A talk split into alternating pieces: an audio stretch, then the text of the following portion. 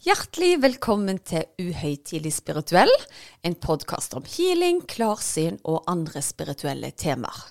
Noen ganger har vi gjester, og noen ganger er det bare meg sammen med min ektefelle Erik.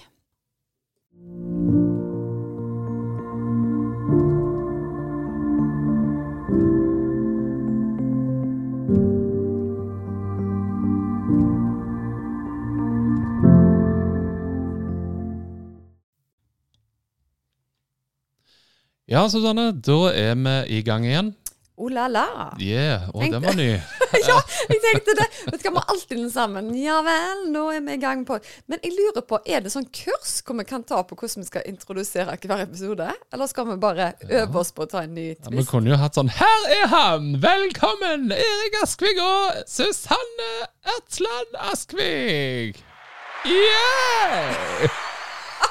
Ja, det hadde kanskje Kanskje man hadde fått nye lyttere, da. I don't know. Ja, jeg vet ikke. Men OK. Det er kanskje det gamle trøtte som fungerer. Ja, jeg, jeg, vi satser på det, altså. Ja, OK. Nei, men ok. Sist så snakket vi litt om dette her med å ha en opprydning i huset og klargjøre året for Eller klargjøre oss sjøl mentalt for året. Mm. Men det vi kanskje ikke har snakket så veldig mye om, det er jo faktisk huset vi bor i. Ja. Det er jo et sted vi nå har bodd i over elleve år. Ja. Og uh, huset har jo sin historie. Det ble bygd i 1930 av min oldefar. Og så fikk vi arve det eh, etter en tid, og så bygde vi det litt om. Ja, og jeg husker når meg og deg Altså, nå har vi jo fortalt litt om vår eh, kjærlighetshistorie før. Men eh, det var ikke lenge vi hadde vært sammen før eh, vi flytta sammen. Og så forteller du meg da at vi har et hus i familien som ligger oppe på Byhaugen, eh, som nå vurderer om det skal selges. Eh, du virker ikke veldig ivrig på å vise meg det huset, for det var akkurat som du tok eh, som en selvfølge at det ikke var noe som jeg ville like. Jeg vet ikke hvorfor det, men eh, i hvert fall opplevde det sånn. Men så tar du og så kjører meg opp, og så sier jeg, tror jeg, i løpet av ti sekunder at her skal vi bo. Det Ja. føltes så rett. Og det har vi jo aldri angra på. Jeg tror jeg aldri har følt meg et sted så hjemme som her. Nei, så bra. Det var under promise, over deliver. Ja, det var faktisk det. Ja. Eh, Når det er sagt, så har vi jo gjort utrolige endringer. For vi choppa det jo ned til grunnmuren og reiste det opp igjen. Så det gikk jo fra et sånn et gammelt eh, rødt eh, hus til å bli et stort funkishus. Mm. Men det som jeg syns er litt interessant, er at selv om jeg har gjort såpass store endringer, så føler jeg at sjelen i huset egentlig er der fremdeles. Det er jo ingen tvil om, eh, om det. Eh, og det tok ikke lang tid før vi flytta inn at vi merka at det var noe helt spesielt eh, med huset. Positivt, da. Mm. Eh, husker du når, når Aurora var, var nyfødt? Da, da begynte det å komme noen veldig rare lyder fra rommet hennes, eller i overetasjen. Ja, det var akkurat en sprettball, var det det? En sprettball.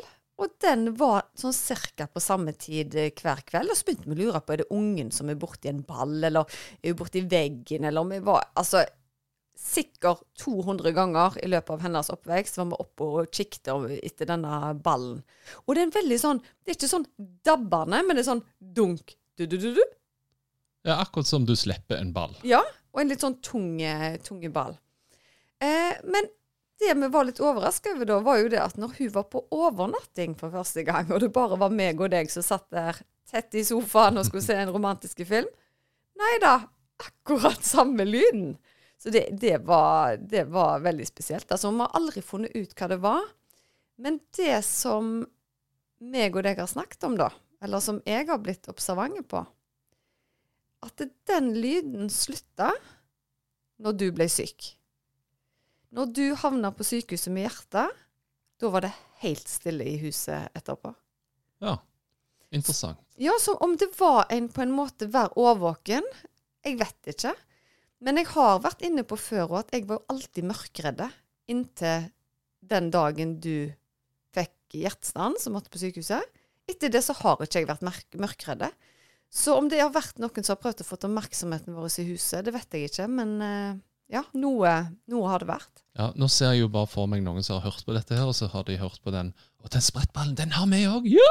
Ja. Og så bare uh, Det var det kanskje en farevarsling, men det trenger det ikke alltid være. Nei, selvfølgelig trenger det ikke være det. Jeg syns bare det er litt interessant å gå tilbake og tenke på når slutta den uh, lyden, da?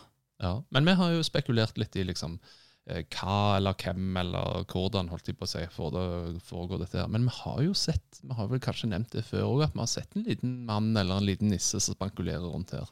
Ja, og det jeg syns er så gøy, er jo at det er jo som regel du som ser han. Du som på en måte skal være den rasjonelle, ikke i kontakt med noen ting annet. Og så kan du si til meg når vi ser på TV eh, Så du det som jeg så? Og så kan jeg si vet du hva, det tror jeg. Men det er så lynkjapt at du får nesten ikke sjanse til å reagere. Og det er jo samme hjørne hver gang. Ja. Nei, det er sant, det. Jeg har jo drømt om at det kanskje var en sånn økonominisse. Jeg trenger litt hjelp med regningene mine. Åh, du er så morsom. eh.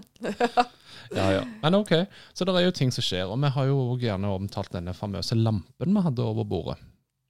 Ja, og det var jo en gang hvor eh, vi satt i eh, sofaen, og jeg fikk plutselig over meg at jeg savner som pappa. Og midt i en film så sier jeg til deg at eh, du, jeg skal bare gå og legge sammen noen klær. Det kan godt være vi har fortalt litt om den historien, men den er såpass spennende at den kan vi ta en gang til. Eh, og jeg begynte å grine ut av det blå. Det var mange år siden pappa var, var død, eller i hvert fall år siden. Og så går jeg inn på vaskerommet og legger sammen klær, og så hører jeg plutselig Susanne! Susanne! på en litt sånn virkelig måte. Jeg bare Ja, jeg kommer. Og da kan jo du fortelle hva som skjedde. Jo, altså når du da kom inn i stuen, så sto jo lampen og spant rundt sin egen akse, da. Ikke sånn at liksom, hvis du spinner på den sjøl, så blir det jo gjerne at han vugger litt. Grann. Men her var han rett ned og spant. Og det er så løye at det går jo ikke an å spinne den lampa engang, så, så eh, man har jo prøvd. Ja. Eh, men akkurat når du kom, så så du at han spant, og så stoppet han bang. Ja, og, og det som jeg syns er litt gøy med den historien, hadde det vært motsatt Altså at det var jeg som sa at 'Å, herlighet, hva jeg ser', og idet du kom, så stoppet det. Men her var det faktisk du som så det. Ja. Og så eh, stoppet det. Og det viser seg jo at senere på et tidspunkt så begynte han jo å spinne igjen. Ja, da hadde vi jo gjester, så de fikk jo å være vitne til, til opplevelsen. Jeg vet ikke om de ble sånn halvredde da, men, eh, men eh, jeg tror vi har vært inne på det òg. Og så har vi jo vært inne på at eh, de er veldig glad i å flytte på mine diamanter. For det hørtes ut som jeg hadde 100 diamanter. Den Men, ene. den ene, men jeg har en diamantring, og så har jeg noen øredobber. Og de har flytta seg til de merkeligste steder, og vi legger de på samme sted. Og så eh, kommer dattera vår inn, og da er ikke hun gammel, altså. Så sier 'Mamma, hvorfor har du lagt gifteringen din og diamantringen din på dolokket?' Jeg bare eh, 'Nei, de skal jeg love deg lå på samme plassen som de alltid gjør.' Og en fireåring tror jeg ikke har noen interesse av å gå og så plassere den på dolokket, for å si det sånn. Nei. Ja, nei, ganske fascinerende. Men vi har jo sett at andre ting òg flytter på seg. Eh, eksempelvis eh, nøkler her i Du, huset. vet du hva, nå, nå skal dere få ta del i noe hvor selvfølgelig ble jo jeg rundlurt. Eh, Erik har en tendens til å hisse seg opp over at bilnøklene forsvinner i eh, dette huset. Og da er det Han er som regel en veldig rolig, sindig fyr, men hvis han skal få et lite anfall, så er det for at folk roter vekk bilnøklene. Og det er liksom bare at vi må ha en faste plass på bilnøklene, og vi må være der og der. Og vi hadde to bilnøkler som var helt like. Og jeg fikk da klar beskjed om at den hadde jeg rota vekk. Og det går flere år, faktisk. faktisk. Og jeg tar på meg den samme jakka som jeg alltid tar på meg. Tar hånda i lomma, og der ligger det plutselig to Ja, der ser vi. Der ser vi. Og jeg tenker med en gang OK, det flytter på øredobber og ringer i dette huset her. Så nå må jeg kaste meg på telefonen til Erik og fortelle hva som har skjedd. Og jeg med skikkelig innlevelse ringer til deg og bare Vet du hva, det er to bilnøkler, og han er til og med død. Det er ikke batteri på han engang, så han er blitt totalt utlada. Og du vet du bare Nei, Er det sant? Og så kom jeg hjem på ettermiddagen, og så sier du da sånn lurt med det frekkeste smilet Du, jeg må innrømme en ting, jeg. Det var jeg som fant den nøkkelen, og det var jeg som hadde pakket den i en gammel jakke eller noe sånt, og så bare dytta jeg den opp i lomma di. Og det var dårlig gjort! For hadde ikke du innrømt det, så hadde jeg sikkert fortalt en historie på podkasten om at vet dere hva, en nøkkel forsvant i sju år, og så kom han tilbake igjen, liksom. Men det er godt at vi fikk, eh, fikk løst opp i det. Ja. Og så skjedde det igjen her en dag nå, Ja, at uh, eh, du raste ut i gangen, for når du trengte nøklene, så var de vekke. Hvor var han? Han lå i den andre bilen. Ja. Ja. Så nå, nå har, nå har lytterne forstått at Erik, til og med han har feil. Å å nei, å nei. ja. Ja. Yes, OK. Nei, men uh, mystisk som det er at ting flytter på seg, så er det jo ting da i huset som skjer. Og vi hadde jo en kar som var og kjente litt på energiene her i huset. Og han kunne jo da finne en eller annen Var det en vannlinje eller noe sånt han sa som gikk under huset? Mhm. Og han pekte da ut et sted som var veldig aktivt. Og da kunne jo du fortelle eh, fra tidligere av. For det, den, dette hus, hvor lenge har det vært i familien? Ja, det har jo vært siden 1930, da. Ja, stemmer. Og hva var det som var der akkurat på det punktet som han pekte? Jo, altså Jeg husker jo når dette var, eh, altså kjelleren var ganske gammel, og alt det der, og, og i gamle dager da så var det en, en svær bul i, eh, i gulvet akkurat der. Så jeg vet ikke hvorfor den bulen hadde kommet, men de kunne jo ikke bruke det rommet da til annet enn lagring av diverse. Og akkurat der han da sto over, det var der den bulen i betongen var. Men det som er litt interessant, at folk vil jo ofte si at sånn, «Oi, men sånn vanner og sånn, at det er ikke bra og sånn. Men av en eller annen grunn så presser jo hele familien seg til det punktet i huset hver eneste dag. Vi elsker jo det, det stedet der. Ja.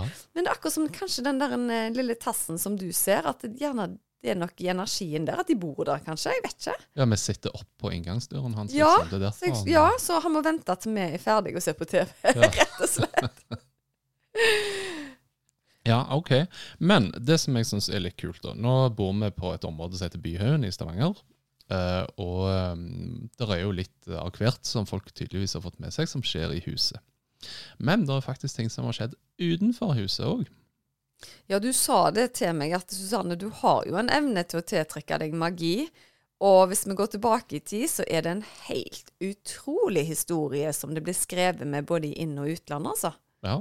Og denne historien tenkte vi å bruke litt tid på, for uh, den har jo en litt relevans tilbake igjen til min eh, familie òg. Og det er jo derfor jeg har blitt gjort oppmerksom på den. For tilbake igjen i 1916, rundt om byen, da, så var det altså et syn som ble sett på himmelen. Eh, og min tippoldefar han var faktisk lærer i Sandviken skole eh, på det tidspunktet, og det var elever som kom og fortalte om dette synet. da. Eh, og her var det flere klasser og flere elever som hadde sett dette her uavhengig av hverandre. Så det som han gjorde da som uh, sin oppgave, det var at han samla elevene én etter én, og tok på en måte historien deres. da. Så var det Sånn at de ikke fikk sjanse til å så på en måte sam, samkjøre historiene, da, på en måte. stemme. Ja. Eh, og eh, eh, det som var litt interessant, det var, jo, det var jo små variasjoner i det disse her fortalte. Men i hovedsak så var det en, eh, en fellesnevner her, da. Eh, og det var altså det at eh, de hadde eh, sett da en mørk sky på himmelen med et rødt lys bak seg. Eh, og dette her var like stort som en regnbue, så det var jo svært skue, da, for å si det sånn. Eh, og teksten som hadde bredt seg om bak denne her, eh, eller på himmelen, da, det var altså Om hvem eder, ti Jesus kommer snart. Og etter et par minutter så, så feida liksom skriften vekk. Og så kom det til syne en engel, en som pekte liksom opp mot himmelen, og en som pekte eh, mot jorden med den andre hånden. Og under her så sto det altså et eh, stort amen i lysskrift, eh, og ved siden av et stort kors. Altså, det er jo helt uh, utrolig. Altså Ja, og det interessante da med denne historien, det er jo at eh, det har jo blitt kritikk mot dette her. Har de koordinert historiene og litt sånne ting? Eh, Og på den tiden så var jo både min tippoldefar en svært religiøs mann, og drev eh, noe som het lesehjemmet i Sandviken, da, eh, rett bort fra skolen. Eh, som òg var religiøst eh, hva kan man si, tema, da. Ja. Eh, men det interessante da var at veldig mange først kritiserte dette her, og så plutselig så begynte det å poppe opp historier andre steder i verden om akkurat det samme. OK. Så faktisk så spredte historien seg til Sverige, blant annet, og der kom det òg eh, historier om at de hadde sett tilsvarende. Ja, Så det var ikke sånn at de hørte om historien på Byhaugen, men det ble delt tilsvarende historier der? Stemmer. Og i Arkangelsk i Nord-Russland, nærme Altså det er jo den største store byen eh, når du kommer nord i Russland. Eh, der er det sett. Det er sett i Bombay i India, og flere steder i USA. Og der hadde de jo ikke akkurat sosiale medier heller, så det tok jo litt, sikkert litt tid å samkjøre eh, disse historiene. Ja. Eh, men det at de har sett en engel, altså det, det er jo fantastisk. Men, men det glemte jeg jo å si, at jeg har jo hatt mine opplevelser her i dette huset hvor jeg har fått besøk av engel òg. Og det, dere som ikke har fått med dere det, må lytte til den eh, podkastepisoden som heter Susannes dagbok, tror jeg, hvor jeg forteller om akkurat det. Eh, bare sånn at jeg ikke glemte det. Men herlighet! Ja, det er jo ganske utrolig. Hvor, hvor gamle er disse ungene da, som, som kommer til skolen og forteller? Eh, blant annet så var det en elev i syvende klasse. Eh, og den gang, ja, hva var de da? Det var Jo, eh, det er vel 12-13 år. Ja. Så de er jo ganske, ganske store unger òg, altså. ja. Og jeg tenker også, hvis jeg skulle liksom sett et eller annet, så var det ikke akkurat uh... Og i hvert fall ikke en sånn skrift sånn Venn dere, eller eder til Gud, og sånne ting. Og jeg har jo hatt mange opplevelser, men, men det slår de fleste, altså. Ja. ja, det som kritikerne gjerne sa denne gang, det var at det kunne være luftskip og sånne ting som var i Nordsjøen. Som Men- skriver 'Venn eder, amen'. Ja, du vet når, eh, når et luftskip går i luften, så er det mye skrift som kommer til syne. Ja, det er veldig spesielt. Kanskje jeg hadde blitt religiøs over natta hvis jeg hadde sett noe sånt på himmelen. Da, det hadde jeg sikkert, for å si det, for å si det sånn. Ja. Men, men hva, hva mer skjedde utover det, da? Nei, altså ut fra i Stavanger og sånne ting, så var jo dette mer tema på bedehusene og liksom de lokale eh, ja, bedehusene den gangen. Eh, og Stavanger var jo et sterkt liksom, religiøst sentrum den gangen. Men det kom jo i avisen og sånt òg. Dette var ikke noe sånn som han der en, eh, læreren kokte i hop og satt og rukte på på skolen. Ja, altså Det tok ca. et år før Stavanger Aftenblad plukket opp historien og skrev om dette. her. Um, og det interessante er jo at uh, denne historien kommer opp fra tid til annen. Uh, midt under krigen så var det en i 1943 faktisk som tok kontakt med Aftenbladet og ba folk liksom om, eller ba de om å skrive denne historien. Gjerne eh, om det var fordi at han ønska at uh, kanskje det var en historie som kunne spre litt håp da i en mørketid. Ja. Uh, og senere òg, i 2008, så republiserte Aftenbladet denne historien. Så det er en artikkel vi kan dele på, på hjemmesiden din eller på Instagram. Ja, vet du hva, det skal jeg gjøre. Så bare følg med på Instagram eller Facebook eller websida, så skal jeg få lagt ut eh, den. Ja. Men, men jeg husker altså Nå er det en stund siden jeg leste den artikkelen, men jeg mener òg at de fikk folk til å skrive ned disse fortellingene sine på det tidspunktet i 1916, og at det faktisk er i et eller annet arkiv. Ok, Ja, det husker ikke jeg, altså. Ja, jeg mener det, altså. Det, men det tror jeg det skal stå i den artikkelen. Så for dere som er interesserte, så må dere gå der og, der og lese. Men da tenker jeg, Erik, du som er litt sånn, veldig sånn rasjonell tenkende. Hva skjedde den dagen i 1916? Ja, Nei, si det. Altså, Det er jo litt sånn som vi diskuterer i denne poden òg, at av og til så er det ting som skjer som du ikke kan forklare, men som øynene gjerne ser, og du må rett og slett bare akseptere at øynene ser det. Ja.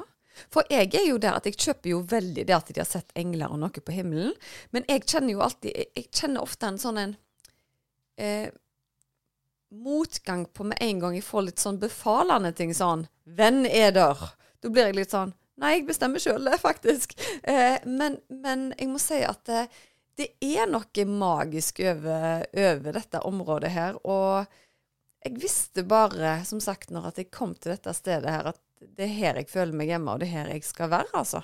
Så når den historien kom ved en seinere anledning, så, så skjønte jeg litt sånn Ja, det må jo ha vært her. Ja, Men jeg, jeg tenker jo òg det at eh, ting blir nok spredt i et budskap som tiden kan forstå. Eh, hvis du hadde snakket om et helikopter eh, ved Kristi tid, da, for å si det sånn, så hadde jo folk begynt å lure hva er det du snakker om. Og Nettopp, hadde, i mm. 1916 hadde det stått 'Hvem er der? Healer Susanne kommer snart'. Ja, det var sikkert det de mente. Nei, men, men ja, det, det forstår jeg veldig. Og uansett så er det jo et tegn til folk om at det er noe større enn de sjøl som, som er der ute, uavhengig av egentlig hva de så. Og at det fikk samla masse mennesker på det tidspunktet. Og sånn som du sa, at det ble tatt opp ved vanskelige tider under krigen i tillegg, er jo fantastisk. ja, det gir liksom noe å håpe på som er større enn deg sjøl. Som at eh, Ja, som mange sier, når du står på den svarte sjakkbrikken, så er det flest hvite brikker rundt deg. Ja, det, det er jo absolutt eh, det. Ja. Men eh, så er det jo andre ting som har skjedd i huset, og jeg husker jo at eh, vi har jo fått besøk av en slags engel eller skikkelse før òg, men den hadde et litt mer dystert budskap. Ja, altså Jeg husker det veldig godt, fordi det var en gang eh, du Jeg lurer på om at det var i den eh, perioden eh, du hadde løfta noe tungt, gikk med ryggsmell, så du lå faktisk på et annet rom. Og det er jo ikke ofte, så det husker jeg veldig godt. Så skulle jeg stå opp på natta og tisse. Og idet jeg kommer ut ifra soverommet, så er det en svart skikkelse som fyker forbi meg. Og det skal mye til for at jeg skvetter og hyler. Sånn at du da kommer ut ifra fra um, det rommet som du lå på, det gjesterommet. Og tenk for en effort det var med den ryggen, å Ja, vakle seg ja. ut av sengen. Okay. Og healeren kan jo vanligvis bare knipse på folk, men akkurat der så hadde du løfta så tungt at det var jo helt skeiv eh, pinne. Eh, men det jeg husker da jeg sa til deg, er det at uh, dette har ingenting med huset å gjøre, men det er første gangen jeg har sett en sånn mørke skygge, og jeg ble ikke redd, men jeg skvatt, og jeg kjente bare på meg at det er noe forferdelig som har skjedd eller skal skje. Og det måtte jeg jo dele med deg. Jeg vet ikke hva det er, men det er akkurat som noen har bare vrengt sjela si foran meg og vil gi meg et tegn, da. Ehm, og jeg kom jo meg til hekten igjen og måtte legge meg til å sove, og syns jo egentlig at det var skummelt fordi det var så fysisk, da. Men mer dette her at hva er det nå som skal skje, siden at det var så dystert. Og dagen etterpå så får jeg en telefon fra mamma, og da får jeg vite at det er en nær venn av familien som er død. Eh, han er en unge mann som er politi i Spania, som dør på joggetur, og det var et sjokk for alle. Eh, så jeg er 100% sikker på at det var et forvarsel. Eh, det som var ironisk nok, at det var nok rundt den tida han faktisk eh, døde, da. For jeg vet ikke om det var kvelden før at vi ikke hadde fått vite det. Men det var nesten som han kom og ga meg beskjed, altså. For eh, ja, det var, det var en av de sterkeste sånn fysiske opplevelsene jeg har hatt i dette huset, som ikke har med guider å gjøre, da. Mm. Men så tenker folk gjerne øh, Nå har vi liksom snakket om alt det rare som skjer i huset vårt. Vil vi ha det vekk? Vil vi fått hjelp til å ta det vekk? Nei! Nei? Vi trives jo så godt der, og jeg føler meg så trygg og ivaretatt i dette huset. Jeg er jo ikke noe eh, mørkredde, og det er bare en ro her. Ja. Og vi fikk jo øh, en da som Han som kjente på energiene, han kunne jo òg fortelle at han ser jo øh, at det er et, holdt på å si, personer som er her. Men hans budskap var jo det at de er bare her for å se at 'å, så fint det har blitt i huset', og, og 'takk for at dere stiller bra til med det'. Mm.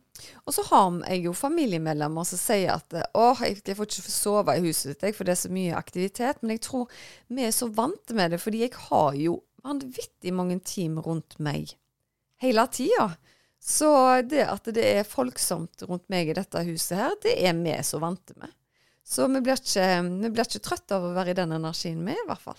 Nei, nei, det er sant, det. Så, men det er jo folk som gjerne tilkaller folk. altså Vi har jo programmer som Åndenes makt. Det er jo Oppe i Nord-Norge så har det jo vært mye mer populært, eller populært, men mye mer vanlig å tilkalle gjerne en kirketjener eller en prest for å gå gjennom huset. Ja, men, men da stiller ting seg helt annerledes. Det er folk som føler at det ikke er en positiv energi i huset sitt. De kan føle seg trøtte og syke. Eh, de kan f.eks. føle at eh, ungene ikke vil sove om nettene, at de er utrygge.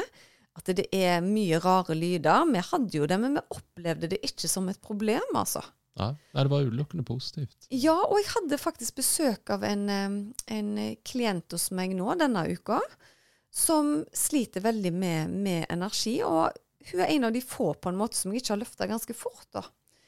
Men så kom det til meg at gjerne det var noe i huset hennes. Og når jeg tok det opp med henne, så var hun helt enig. For hun sa det at vet du hva, jeg får energi når jeg går ut av huset, men i mitt hus, hvor jeg skal trives og lage batteriene, så blir jeg tappa. Og det føltes så sterkt at det var mammen hennes som hang igjen, så jeg måtte jo spørre henne er det sånn at din mor har vært mye på besøk i ditt hus? For veldig ofte hvis man har gamle foreldre, så er det jo gjerne vi som drar til deg. Mm. Men jeg får en følelse av at hun, har hun vært mye hos deg, og hun kunne fortelle at hun hadde vært der flere ganger i uka.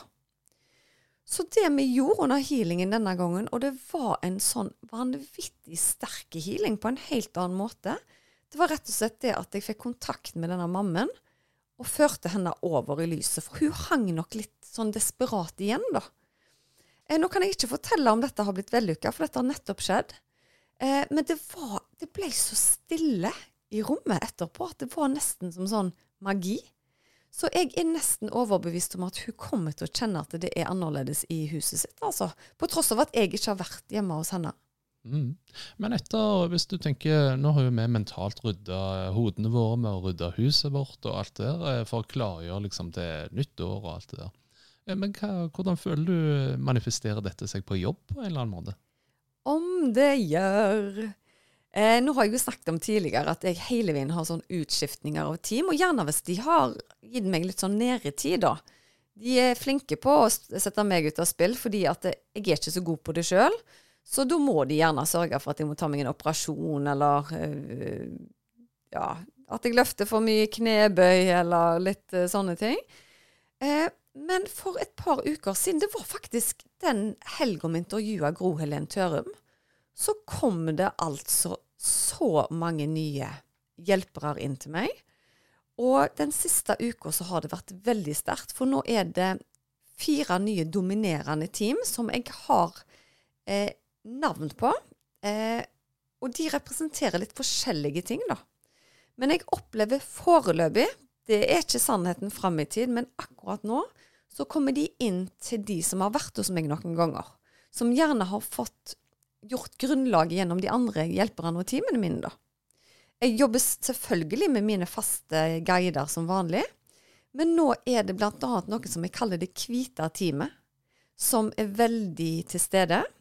Og det hvite teamet kaller jeg de fordi de er så sterkt lys når de kommer inn, og de er veldig sånn rensende. De vil klargjøre kroppen for uh, behandlingen.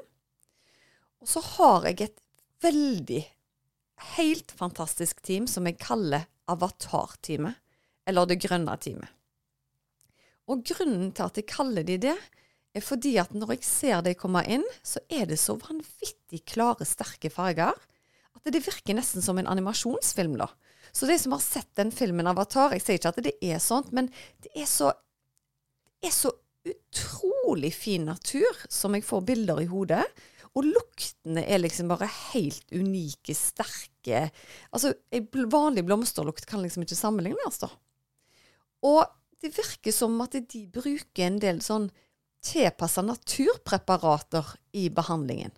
Og de jeg har brukt det grønne teamet på, eller avatar-teamet som jeg kaller det, nettopp fordi jeg opplever det sånn, mange sier etterpå at de kjenner akkurat som en rar smak i munnen idet jeg sier at nå får du tilført eh, naturmedisin, da. Eh, så det er det andre. Eh, og så har jeg noe som kaller seg det røde teamet. Som skal egentlig gi deg det du trenger for å få et boost framover i tid. Og når de kommer inn, så kan du føle deg litt sånn gyngende og svingende. Og jeg hadde ei på telefonen i dag hvor hun sa at det er det råeste jeg har vært med på. For hun følte hun spant i hele kroppen, og hun ligger jo i en annen del av landet mens jeg er her. Eh, jeg har òg det blå teamet, som er veldig sånn beskyttende. Eh, de kommer veldig ofte inn på slutten egentlig bare for å jorde krafta rundt deg. Men i dag, under healingen med den dama som fikk besøk av det røde teamet, hvor det spant veldig i dag, så sa jeg oi, her er det på besøk et helt nytt team som jeg aldri har sett før. Og det var noen bitte små folk som jeg kalte det brune teamet, som er jordteamet. For å jorde ned. Og det hun kunne fortelle meg etterpå, at det var når de kom inn, så landa hun. Da spant hun ikke lenger. Så jeg skjønner jo nå hvorfor det var så viktig at de kom akkurat inn, eh, inn da. Mm. Eh, så jeg har fått en ny gruppe som jeg har satt fargekoder på, fordi jeg ser disse fargene idet de kommer inn. da. Det kan godt være at det forandrer seg etter hvert at jeg kaller de noe annet. Jeg kunne jo sikkert kalt de regnskogtime eller uh, tretime eller sånn, men, men, jeg gjør det jo for å kjenne de igjen, da. Og vi er ennå en bli kjent-fase. Men en fantastisk bølgende ro. Og de som har fått opplevd de, forteller om fantastiske opplevelser. Ja, det men så kjekt. Ja, jeg tenker at uh, den gode følelsen der, den får vi si uh, ta med oss når vi nå takker for i dag. Uh, jeg tenker at Har du opplevd noe rart i ditt hus, kommenter gjerne på episoden når vi poster på Instagram. Det er veldig kjekt å høre om. Ja, og, og veldig gjerne legg igjen tilbake på podkasten på healersusanne.com. Der er det veldig lett egentlig å legge igjen tilbakemelding. Jeg vet mange sliter med det, men dere må bare trykke på 'legg tilbakemelding'. Og så må dere scrolle litt ned forbi episodene, og der skriver dere inn en, eh, en tilbakemelding. Og så er det viktig for meg å si at jeg får så utrolig mange meldinger fra dere. Veldig mange med egne opplevelser som ønsker eh, mitt syn på saken, eller om at jeg kan fortelle dere hvordan dere skal prosessere det, hvordan dere skal håndtere det, om deres opplevelser er reelle. Og du skal vite at du er viktig for meg, men av jobb, familie, podkast, veldig mye på programmet, så har jeg ikke kjangs til å svare dere individuelt. Jeg prøver å sende dere kraft der og da og si tusen takk, men mer enn det har jeg ikke kapasitet til. Da må det bli gjennom en samtale den gangen dere klarer å få dere en time til, til healing. Eh, men dere skal vite at vi setter så pris på det, og jeg håper at alle lytterne bruker Instagram effektivt, for det er så mange av dere som har så mye på, på hjertet, at dere gjerne kan dele erfaringene deres der. Og Hvis dere etter hvert gjerne er interessert i en egen portal for oss for, på Uhøytidelig spirituell, som ikke er synlig for andre, så gi oss en beskjed. Vi er villige til å gi dere det dere trenger for å lære mest mulig, og bli trygge i deres kraft. Ja, ok. Veldig bra. Tusen takk for at du tok deg tid til å høre på, og vi håper at du har fått en fin følelse av å lytte til oss i dag. Ha det. Ha det, Anne.